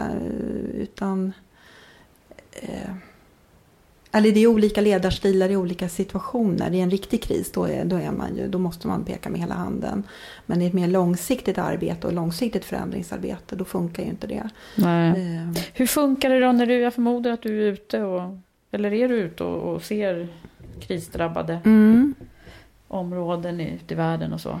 Mm. Jag reste nu i I januari så var jag i Syrien och Irak och Libanon och reste runt. Eh, och jag gör några fältresor per år. Och sen så reser jag och träffar många kollegor från, från olika delar av världen. Då, att det Mm. finns 189 länder på olika ställen. Jag var i Filippinerna efter eh, eh, cyklonen där då för ett och ett halvt år sedan. Jag har varit på många platser som är drabbade av katastrofer Mm. eller konflikter. Hur, hur, hur funkar du då? då? Ja, för mig är det viktigt att se det jag läser om i rapporter och det jag fattar beslut om på en väldigt aggregerad nivå. Hur ser det ut i fält och vad är det människor egentligen är drabbade av? Och jag försöker prata väldigt mycket då med människor som har eh, drabbas. besöka, prata med kvinnor i flyktingläger eller barn eller eh, eh, människor som har ja, drabbats av olika svårigheter för att skapa mig en bild. Och då... Eh, en del säger att oh, men är det inte jobbigt, då är det inte svårt. Men det jag försöker fokusera på är ju ändå eh, hur lika vi är. Och eh, också hur nästan hur svåra saker en människa har varit med om så kan man komma igen. Jag fokuserar nog ganska mycket på det som är möjligt och det som är som kan bli någonting bra sen. Sen är det naturligtvis så att jag menar Syrienkrisen, det ser vi ju inget slut på. Det finns liksom inget hopp egentligen. Jag kan Nej. hitta små anekdotiska, eh, mikroskopiska, enstaka historier av hopp i det. Men jag ser ju inget hopp eh, Att för att lösa Nej. det. Men försöka titta på men vad är vårt uppdrag och vad kan vi göra? Vi kan göra en, en del men det är ju plåster så att säga. Det måste till Mm. politiska lösningar. Men se vad, vad, är, vad är det vi kan göra? Men hur fungerar det? Eh, Jag tänker någonstans tar det här vägen. Liksom, dels den här, den här eh, eh, ledar, liksom utmanande ledarjobbet och sen det ni faktiskt... Eller också så är det så att du är bara gjord för att klara av att hantera alla tuffa situationer. Ja, men, jag, ja, men jag, det, det, låter ju som att jag skulle klara vad som helst. Det klarar jag naturligtvis inte av. Och det vet man ju aldrig var en, var en människas gräns går någonstans. Eh, det har vi ju ingen aning om. Eh, men jag, jag har varit med om många svåra saker och, och klarat av det. Och känner mig ganska trygg med det. Att jag, ehm, och eh, jag tänker också att när jag, när jag är ute och möter människor som drabbas av svåra saker så är det inte så att jag hjälper dem genom att jag Nej, själv eh, bryter ihop. bryter Nej. ihop. Jag, jag känner empati. Mm. Eh, och jag verkligen försöker sätta mig in i situationer. Det jag blir mest berörd när jag kanske träffar kvinnor i min egen ålder som kanske har barn i min ålder. Eller, Mm. och när jag identifierar mig väldigt mycket med, med de jag träffar. Och då, då är jag väldigt tacksam för, för det liv jag lever. Mm. Eh, men Hur har din familj stått bakom dig då i, i både i ledarjobbet till vardags och i de här tuffare tiderna? Men det skulle ju inte gå utan att jag hade... Vad gör men din man? Eh, han är för detta officer och jobbade mycket internationellt. Men nu Jaha. jobbar han inom Så det är det här H&M. lite militära som Nej, finns jag hade, sagt, nej, jag hade sagt aldrig en militär. Som min pappa var det så skulle Ja. jag inte träffa en militär. Men han var faktiskt militär när vi träffades. Men så blev det alltså? Så blev det. Men han är civil numera. Han jobbar inom H&M. Mm. Mm, jobbar med logistikgrejer och tullklareringar, export och import och är gruppchef där. Okej. Trivs jättebra Ja, ja. det. Så att, så. han är civil numera. ja. Eh, nej, men det... Han har ju alltid stöttat mig enormt mycket. Det skulle inte funka. Annars funkar det inte på hemmaplan utan det stödet. Och då, då skulle jag inte orka. Mm. Eh, Jobbar du mycket? ja, det gör jag. Jag har alltid tyckt att det är roligt att jobba. Alltid. Jag tror till och med jag gjorde det redan när jag liksom sommarjobbade. Om man jobbade i kök eller vad det nu var för någonting. Så, så jobb har alltid varit lustfyllt för mig. Och det, det är ju... Eh, det betyder inte att alla dagar är roliga, men, men de allra flesta, även, även sånt som är svårt, kan ju vara professionellt lustfyllt därför att det är en professionell utmaning. Så att även, även en kris och riktigt svåra samtal. Jag menar, jag är nog som de flesta andra att jag sover dåligt innan jag ska ha riktigt svåra samtal. Och jag trodde för ett antal år sedan att det där kommer jag att vänja mig vid. Och, med åren, det gör jag inte. Nu vet jag att jag inte kommer att vänja mig vid det. Mm. Och nu tänker jag nog snarare att ja, men det är bra att jag eh, eh, tycker att det här är lite jobbigt. Att ha de här svåra samtalen. Att jag, då jag vet att jag sover dåligt innan. Att hur man ska igenom det. Men det kan ju samtidigt vara en professionell utmaning som är stimulerande rent yrkesmässigt. Mm. Eh, och det, det triggar ju mig alltså. Det, eh, men sen är det perioder när jag jobbat alldeles för mycket. Eh, alldeles för mycket. Och då liksom försöker gå tillbaka och hitta balans och, och så vidare. Mm. Det, Och vad gör du då? då när du, när du, är du en sån där som kan koppla av? Eller, och liksom... Ja, det, det kan jag göra. Eh, periodvis kan det vara svårt, men jag försöker att jag tycker om att vara ute i skogen eller försöker träna eller gå på något kulturevenemang eller lyssna på musik och vara med familjen. Och, ehm, eh, mina barn skulle säkert säga att jag har jobbat för mycket. Och, men jag kan också se, jag vet att när min mamma, när jag gick i högstadiet, min mamma läste på universitetet då. Jag tyckte hon satt jämt i sina böcker och jag liksom pockade på hennes uppmärksamhet. Och, och samtidigt så var det också en förebild att hon gjorde det. Och, Mm. Ja, hon gjorde det alltså? Ja, på och liksom, senare år då? ja, på, och eh, liksom den lust som hon alltid har beskrivit Mm. över, att, över att arbeta. Eh, och att det är liksom någonting roligt. Mm. Det har jag nog fått med mig. Och jag tycker att det är väldigt roligt. Jag säger till mina barn att ja, men hitta liksom ett jobb som ni tycker är roligt. Och, Mm, mm. Oavsett vad det är. Men att, att eh, Det är nog jätteviktigt, det tror jag med. Att, man liksom, att det går faktiskt att ha roligt under tiden man jobbar. Ja, men det vore ju hemskt annars. Man, man tanke på hur många till, timmar man tillbringar Ja. på, jobb, Ja. på jobbet. Och Men du, du jobba. blev ju nominerad förra året var det va? Som eh, var en av de eh, tre Mm. nominerade till årets chefstitel. Ja, det var jätteroligt. Ja. Hur var det då? Ja, men det var helt fantastiskt. Det var, ja, jag var, det var verkligen sån där som gick rätt in i hjärtat att, eh, att bli uppmärksammad. Och dessutom att det var ju medarbetare som hade nominerat mig trots allt det här vidriga, hemska vi hade varit igenom då med uppsägningar och neddragningar och eh, folk som hade fått byta till, till jobb som man kanske inte alls eh, hade tänkt sig från början och väldigt smärtsamma förändringar. Att då ändå bli nominerad av dem och sen också i de här intervjuerna som de gjorde då med, med många medarbetare som jag vet ju inte vilka de är allihop. Eh, eh, att det de sa om mig ändå ledde fram till den här nomineringen. Det, det var Mm. fantastiskt. Hur, hur, hur var nomineringen då? Den har inte jag läst. Nej, och jag tänkte säga, jag kommer inte ens ihåg. det var något väldigt fint. Det var något tjusigt. Jag tänkte jag ska plocka fram den någon gång när jag är på Ja. ledsen eller på dåligt humör. Men, Ja, men det väl eh, bra. Men det var... Nej. Men handlade det om förändringsresan bland det annat? handlade då? om förändringsresan Mm. och mitt ledarskap i det. Mm. Det var... Ja, det kan man ju, kan man ju gissa då, Ja. att, det, att det delvis är det. Men du, sen så vet jag att du också är, precis som jag då, tycker att det här med kvinnor i ledande roller är en viktig fråga. Ja, det är det. Eh, det. Och det har jag alltid tyckt eh, och försökt jobba för. Jag jobbade inom kulturbranschen för att uppmärksamma kvinnor som ledare och eh, försöka hjälpa till och både när jag själv rekryterade för man får ju omedelbart makt när man själv blir chef att kunna göra skillnad eh, och lyfta fram duktiga kvinnor. Och det har jag verkligen försökt göra. Hur ser det ut nu i din Ja, egen ledningsgrupp? jag har... mm, Ja, vi är sju personer inklusive mig då. Så att eh, nu är det... eh, Nu är vi tre kvinnor och fyra män. Vi har varit fyra kvinnor och tre män. Och i chefsgruppen totalt inom Röda Korset så är det precis 50-50. Mhm, vad Så bra. att det var det första jag gjorde. Ja. Mm. Det såg inte ut så innan alltså? Nej, det gjorde det verkligen inte. Så att, eh, nej, det, var, det var det allra första. Det, det kunde jag ju omedelbart sätta ett avtryck hur Ja. jag ville att det skulle se ut när det gällde Ja. eh, könsfördelningen bland cheferna i organisationen. Vad tycker du om, om den här frågan då? Är du, har du någon synpunkt kring hur vi ska göra i stort, i, förutom det du gör då, för att, för att förbättra den här? Ja, för ett antal år sedan så var jag, när det gäller, som jag är intresserad av styrelsearbete också, någonting som jag ägnat mig åt vid sidan om Just det. och Mm. jobbat med det. Styrelsekraft? Ja, styrelsekraft Mm. var jag med i. Jag har gått styrelseutbildningar och haft styrelseuppdrag också. Så, när det gällde den frågan så var jag för ett antal år sedan helt emot kvotering och nu har jag ändrat mig och säger nej men kvotera och det finns duktiga kvinnor. Och jag tror att det är liksom enda sättet att, att få någonting att hända tillräckligt fort Mm. på det området.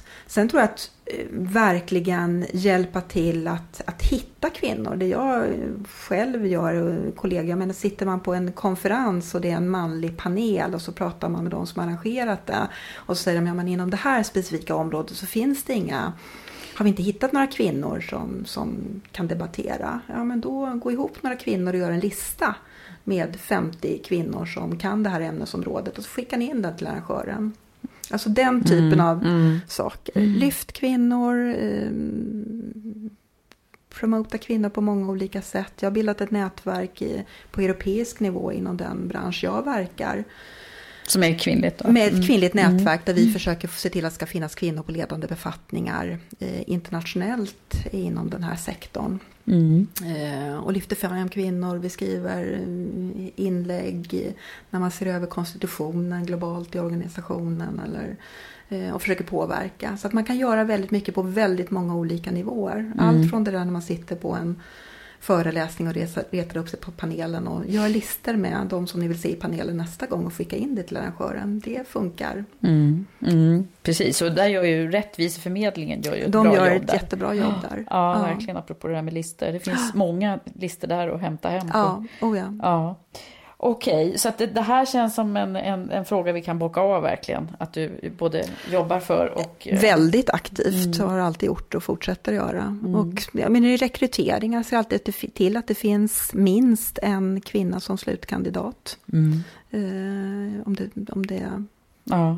Tänka till när jag rekryterar, jag menar att inte heller tänka det självklara att ja, det är bara lika antal. Vilken typ av befattningar får kvinnor och män? Eh, Får kvinnorna stabschefsjobben eller HR-chefsjobben? Eller Mm. Jag såg att ni har en manlig HR-chef. Vi har manlig Mm. HR-chef. Mm, precis. Jag har haft kvinna som både internationell chef och nationell chef och blandning. Så att inte bara tänka att eh, eh, antalet utan också vilken tyngd får positionerna. Mm, ja, Få ja, det är superviktigt. Du, jag bad ju dig eh, eh, innan här. Det, det är en ny, lite ny vinkling faktiskt i Karriärpodden. Att, eh, Jag har inte lyssnat på de senaste, jag lyssnar på några. Nej, jag gillar ju det här. Och- Dels så har vi den här skicka vidare-frågan, men vi har också tänkt att eh, tre konkreta tips som, eh, som du, eller konkreta, men tre Mm. tips som du har liksom lärt dig genom din karriär så här långt, som du vill ge till, Mm. kanske främst till tjejer, men det kan ju faktiskt vara unga killar också. Men om man vill liksom, Mm. Ja, för mig så som chef, det är se Mm. till att du rekryterar bra personer omkring dig. Var inte rädd för att rekrytera starka personer. Du är Mm. inte ensam, du kan inte göra Om man redan är själv. chef, Om man redan är chef. Mm. Men om man vill bli då? Om man vill bli chef eh, så tror jag, även om du nu kanske inte tycker att du har en tipptopp-chef eller alltid har möjlighet att få en tipptopp-chef, försök att välja chef om du kan. Men kan du inte göra det, försök att titta på vad är det du lär dig av den personen då. Att dra ur liksom det bästa ur honom eller henne och försök liksom fokusera på det som är möjligt att lära sig någonting av och det som, som går att göra någonting med. Eh, Just det, att det går även att lära sig något även om man inte älskar varandra menar du? Ja, det gör det. Och se vad är det som har gjort att den personen har kommit till den här positionen då. Det är inte bara förhoppningsvis kontakter eller liksom, utan det är, det är någonting som personen ändå har gjort för att komma dit han eller hon är. Eh, försök titta på det och vad, vad kan du lära av det? Eh, och var prestigelös i det. Eh, sen handlar det ju om att hitta hitta kvinnliga nätverk tror jag är bra att hitta liksom, och, och hjälpa till att promota andra kvinnor. Att lyfter du fram andra kvinnor kommer de att lyfta fram dig också eh, på olika nivåer. Eh, vad finns det mer för någonting? Det finns så mycket. Eh, Och jag tänker om man vill liksom, om man inte vet vad man vill då? Jag tror att vi har några sådana lyssnare på Karriärpodden som Mm. sitter och funderar på vad de, ska, vad de ska bli när de blir stora. Men det vet man inte. Jag vet fortfarande inte vad jag ska bli när jag blir stor. Nej. Jag har ingen aning. Nej. Nej. Nej, måste man veta det? Man kan vara nyfiket sökande och så kan man prova och så kan man fundera över vad är det värsta som kan hända. Eh, om det här inte är rätt väg eh, och jag måste liksom ta ett kliv åt sidan eller ett kliv tillbaka. Jag väljer att våga vara nyfiken och prova eller jag väljer att eh, vara, våga exponera mig för att, eh, att prova. Jag menar, jag tog en jätterisk allra första gången när jag liksom sa att jag vill satsa på mig. Eh, och jag menar, jag fick lite skratt och hån i början, men, men liksom, sen fick jag ju den möjligheten. Eh, what... Vad är det som avgör då tror du? Ja, det är många olika faktorer och ibland så handlar det om att man är rätt person på rätt plats i rätt tid. Det ska man ju också vara medveten om. Jag menar, Eh, jag hade säkert inte varit rätt person på flera av de jobb som jag haft i en annan tid. Eh, eller med andra förutsättningar. Eh, utan det måste man också ha respekt för. att men det går liksom inte att få till det perfekta CV och tro att man kan läsa sig till allting. Utan det handlar om att, vara lite öppen för att kanske inte vara så låst att det är just precis exakt det här. En karriär kan ta lite kringelikrokar. krokar. Mm. Eh, och man kan liksom... De där kringelikrokarna kan, kan vara lite spännande. Jag tycker till exempel när jag rekryterar folk så kan jag vara lite Eh, jag kan vara lite svag för personer som har gjort någonting som inte är spikrakigt annorlunda. Ja. Och det är en sån där som jag måste ge mm. akt på, för jag kan bli lite såld då på ett CV där någon har någon sån där liten udda grej, ja, ja. Eh, ett litet udda inslag. Så mm. tänker jag, men oj, vad är det här för någonting? Mm. Eh, och då blev jag väldigt nyfiken. Eh, Ja, men det är väldigt kloka råd. Den där skriver jag faktiskt under på också. Just det där med kringelkrokarna. Ja, och jag eh, tror att det... Och det blir inte alltid det man tänkte sig, men det kan bli något mycket bättre. Mm. Ja, för det var inte säkert att du som sagt var tänkte när du var Nej, jag trodde jag skulle hamna i att, att du skulle Definitivt bli... inte. Utan, eh, och det var ja, men som arbetsmarknaden såg ut och sen såg jag annonser och, och så vidare. Och sen har jag inte ångrat det för en, för en sekund. Jag tycker mm. att jag har gjort väldigt bra val och fått väldigt många fantastiska möjligheter. Mm. Och också att inte kanske inte älta så mycket det som kunde ha varit utan göra det bästa av det som är. Mm. Och sen ett råd till som jag faktiskt måste skicka med. Klaga inte på tidigare ledningar och tro att du är den första som kommer på alla revolutionerande idéer. Nej. Det är sånt där standardråd. Det kan jag bli lite trött på när man liksom alltid ska dissa tidigare ledningar. Jag tror att varje ledare försöker göra det bästa av den situation som är just nu och hur förutsättningarna ser ut just då. Mm. Jag vill mm. inte att någon ska komma om något år och sen dissa det jag gjorde. Och, men för, då kommer situationen vara helt annorlunda. Ja, Man kommer göra om något helt annorlunda. Mm. Och se framåt istället. Och se framåt. Mm. Inte titta och klaga på det som var bakut utan mm. se framåt. Det är väl sådär. Mm. Bra råd där Ulrika. Ja, vad bra. Tack. Det var Vilket tre. är det bästa det var minst rådet? tre. Ja, men det är massor med råd. Ja. Och så är det så lätt att ge andra råd och så är det så svårt att leva efter dem. Men, men om man tittar på dig själv. Vad är det bästa råd du har fått då? Ja, jag håller ju på att försöka summera det här ja. och ska ju ha några, några poddar till innan det blir en summering. Men, ja. men eh, allt vad ni säger och mm. man kan ju dra lite paralleller faktiskt. Det finns ju många liknande. Mm. Eh, och det, det är ju väldigt intressant att se mm. för då finns det ju lite tydliga saker man kan, man kan tänka på om man nu vill liksom, ta sig fram. Eller olika sätt att ta sig fram. Hörru du, om man nu skulle titta på eh, framtiden och, och hur du lever ditt liv nu då, mm. har, har, du något sånt här eh, livsmotto för att må bra och sådär som du tänker på varje dag? Eh, nej, det har jag inte. Eh, det, mitt nästa motto är never waste a good crisis, eller ur en kris kan det komma någonting gott. Att även när det är svårt så kan det faktiskt bli någonting väldigt bra. Eh, och att se möjligheterna. Ja, men mitt livsmotto är nog faktiskt att se, fokusera på det som är möjligt. Snarare än det som, som du kanske inte kan göra någonting åt. Mm. Det är väl möjligtvis så nära ett livsmotto jag kan komma. Ja, och det låter ju som det kommer lite också ursprunget ifrån dina tuffare Ja, men, jag tror att, och det, men det tror jag även, det kanske jag har med mig hemifrån och som barn. Att det, det tror jag jag fick med mig ganska mycket. Att, ja. all, och allt är möjligt. Det, bestäm dig så, så är det möjligt. Ja, ja. Gud vad bra ord det där låter. Eh, det skulle man egentligen ha som slutord, men det ska vi inte för nu eh, ska du ju också få en eh, fråga som eh, är ställd av den tidigare gästen här i, i Karriärpodden, mm. Anna Färghagens-Bo som mm. är verksamhetschef på akutkliniken på Danderyds sjukhus. Hon mm. ställde nämligen en skickade vidare fråga till dig mm. då, och den lyder så här. Mm.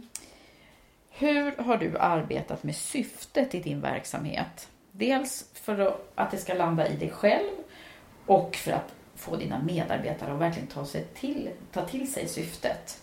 Alltså syfte menar hon då med varför finns vi? Ja. Eh, och det är ju en av fördelarna med den verksamhet som jag jobbar i nu och som jag jobbat i tidigare också. Det är ju att, ehm, jag menar när det gäller Röda Korset så föddes ju idén på slagfältet i Solferin 1859 när ehm, en ung schweizare kom till eh, ett av dåtidens värsta slag och ehm, det låg 30 000 döda och sårade soldater på fältet. Eh, och man samlade ihop kvinnor och barn och skulle ge första hjälpen och sjukvård till de här oavsett vilken sida de hade stridit på. Så det finns en väldigt stark berättelse om varför Röda Korset finns. Eh, så att det jag har jobbat med det var ju att när jag tog över så var det ganska spretigt och det har hänt ganska mycket och man bedrev alla möjliga typer av verksamhet. Jättebra saker. Eh, så var det väldigt mycket att gå tillbaks till men ursprungsuppdraget och vad, vad skulle vi vad är det som är relevant att göra idag? Vad är liksom omvärldsförändringarna? Hur ser utsatthet ut? Hur ser engagemanget ut idag? Vad är det då vi ska göra för att lindra och förhindra lidandet? Att väldigt mycket gå tillbaks till ursprungsstadgar, ursprungsmandatet via den internationella humanitära rätten, Genèvekonventionerna, krigets lagar och försöka omsätta det till vad betyder det för oss idag? Och det är ju väldigt tacksamt när det finns en så stark mm. liksom, berättelse bakom. Och, eh, så, att, så att där har ju utmaningen mer varit att fokusera på inte göra allt utan titta på men vad gör vi just nu? Smalna av, vad är vi bra på? Vad tillför vi? Hur ser samhället ut i övrigt? Vad behöver vi inte göra? Vad finns det andra aktörer som gör? Och vad är det vi verkligen gör skillnad inom utifrån det här grunduppdraget? Mm. Eh, så det är snarare det som... Så det är snarare det som har varit mitt mm. fokus att jobba med. Och det beror ju på att det är den specifika verksamheten, mm. så, så är det tacksamt. Mm. Men det betyder inte att det är enkelt, men det blir andra saker som blir utmanande istället. Ja, just det. Mm. mm.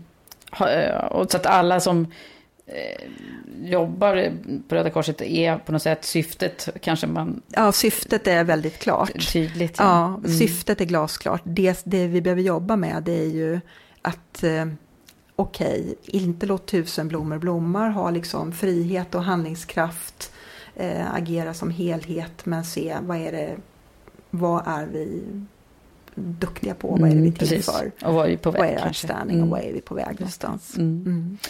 Ha, det får vi hoppas att Anna är nöjd med det svaret. Och så ska ju du faktiskt få, få ställa en skicka vidare fråga ja. till nästa gäst som du inte vet vem det är då. För jag är lite hemlig där. Så ja, att, det är bra. Ja, men, eh, och jag tänker på, det beror ju mycket på vad jag jobbar med själv, eh, så, så, speglar ju min fråga det. Eh, och det är ju att jag jobbade ju väldigt mycket under det här förändringsarbetet som vi har gjort med att få system på plats och det är organisation och det är struktur och det är processer och det är allting sånt. Eh, och det ser jag ju, det är bara liksom en del av arbetet, utan så stor del av det här för att få effekt handlar om kultur och arbetssätt och värderingar och hur man gör saker och ting eh, som inte har att göra med strukturen och systemen och det här. Och eh, jag jobbar ju väldigt mycket med det jag tror att för att få ut liksom en riktigt bra effekt så, så måste du ha kulturen på plats. jag, I och med att jag själv jobbar nu mycket med kulturfrågorna och arbetssätten så jag är nyfiken på du som nästa gäst här. Hur jobbar du med kulturfrågorna, att förändra kulturen så att den ska bidra till att ni levererar ett så bra resultat som möjligt inom den verksamhet du ansvarar för. Mm, Hur okay. gör du konkret? Gör du? Mm. Inte fluffiga Nej. ord, små liksom eh, associerande ord som liksom kommer från en reklambyrå, utan Nej. vad gör du konkret? För att sätta kulturen. För att sätta kulturen. Mm, mm. Och hur driver du det arbetet? Mm. Och inte bara vid ett tillfälle kanske då? Som Nej, utan kontinuerligt. Mm, mm, kontinuerligt. Hur driver du kulturen? Mm. mm. Bra. Då... får du gärna ringa mig och ge mig lite tips sen. Ja, just det. Eller också får du lyssna på nästa podd. Ja, det kommer jag göra. Absolut. ja. Vad roligt Ulrika att ha dig här och eh, tack så jättemycket för att du har delat med dig av, av... Är det någonting som du vill lägga till förresten? Tack, roligt att vara här. Vi pratade lite grann om det tidigare, att det är ovant att sitta och prata om sig själv under en lång tid. Mm. Men det var ganska trevligt att få göra mm. det och ha någon som är uppmärksam och lyssnar mm. på det. Eh, det är inte ofta man reflekterar på det här sättet själv och det, det är nyttigt. Mm. Jag kommer säkert att ha mm. många tankar som snurrar efter det här, så tack för att jag fick den möjligheten. Tack så mycket.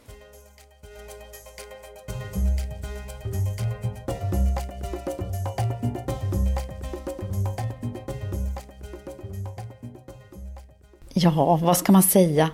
Ytterligare en stora syster. Är hela världen full av stora systrar undrar jag? Ulrika känns ju som en stabil och sund ledare som står pall även när det blåser. Och jag tänker att det är fascinerande hur vissa verkligen fungerar nästan ännu bättre och blir sådär uppgiftsorienterade just i svåra situationer och kriser. Och kanske är det just det som också är utmärkande för framgångsrika ledare. Vilken fantastisk resa hon måste ha gjort efter den stora förtroendekrisen som var. Det blir ju på något sätt dubbelkris när en hjälp och biståndsorganisation själv hamnar i kris.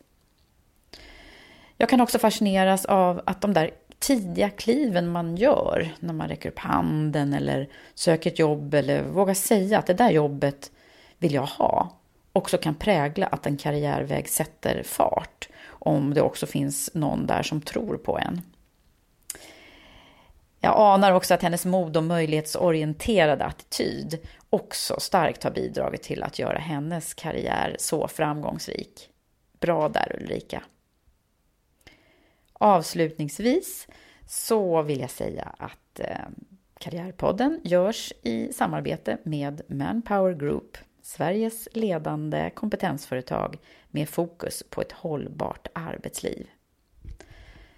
Tack för att du lyssnat och snälla ni som gillar Karriärpodden, skriv gärna en recension i iTunes. Vi hörs snart igen. Hej så länge!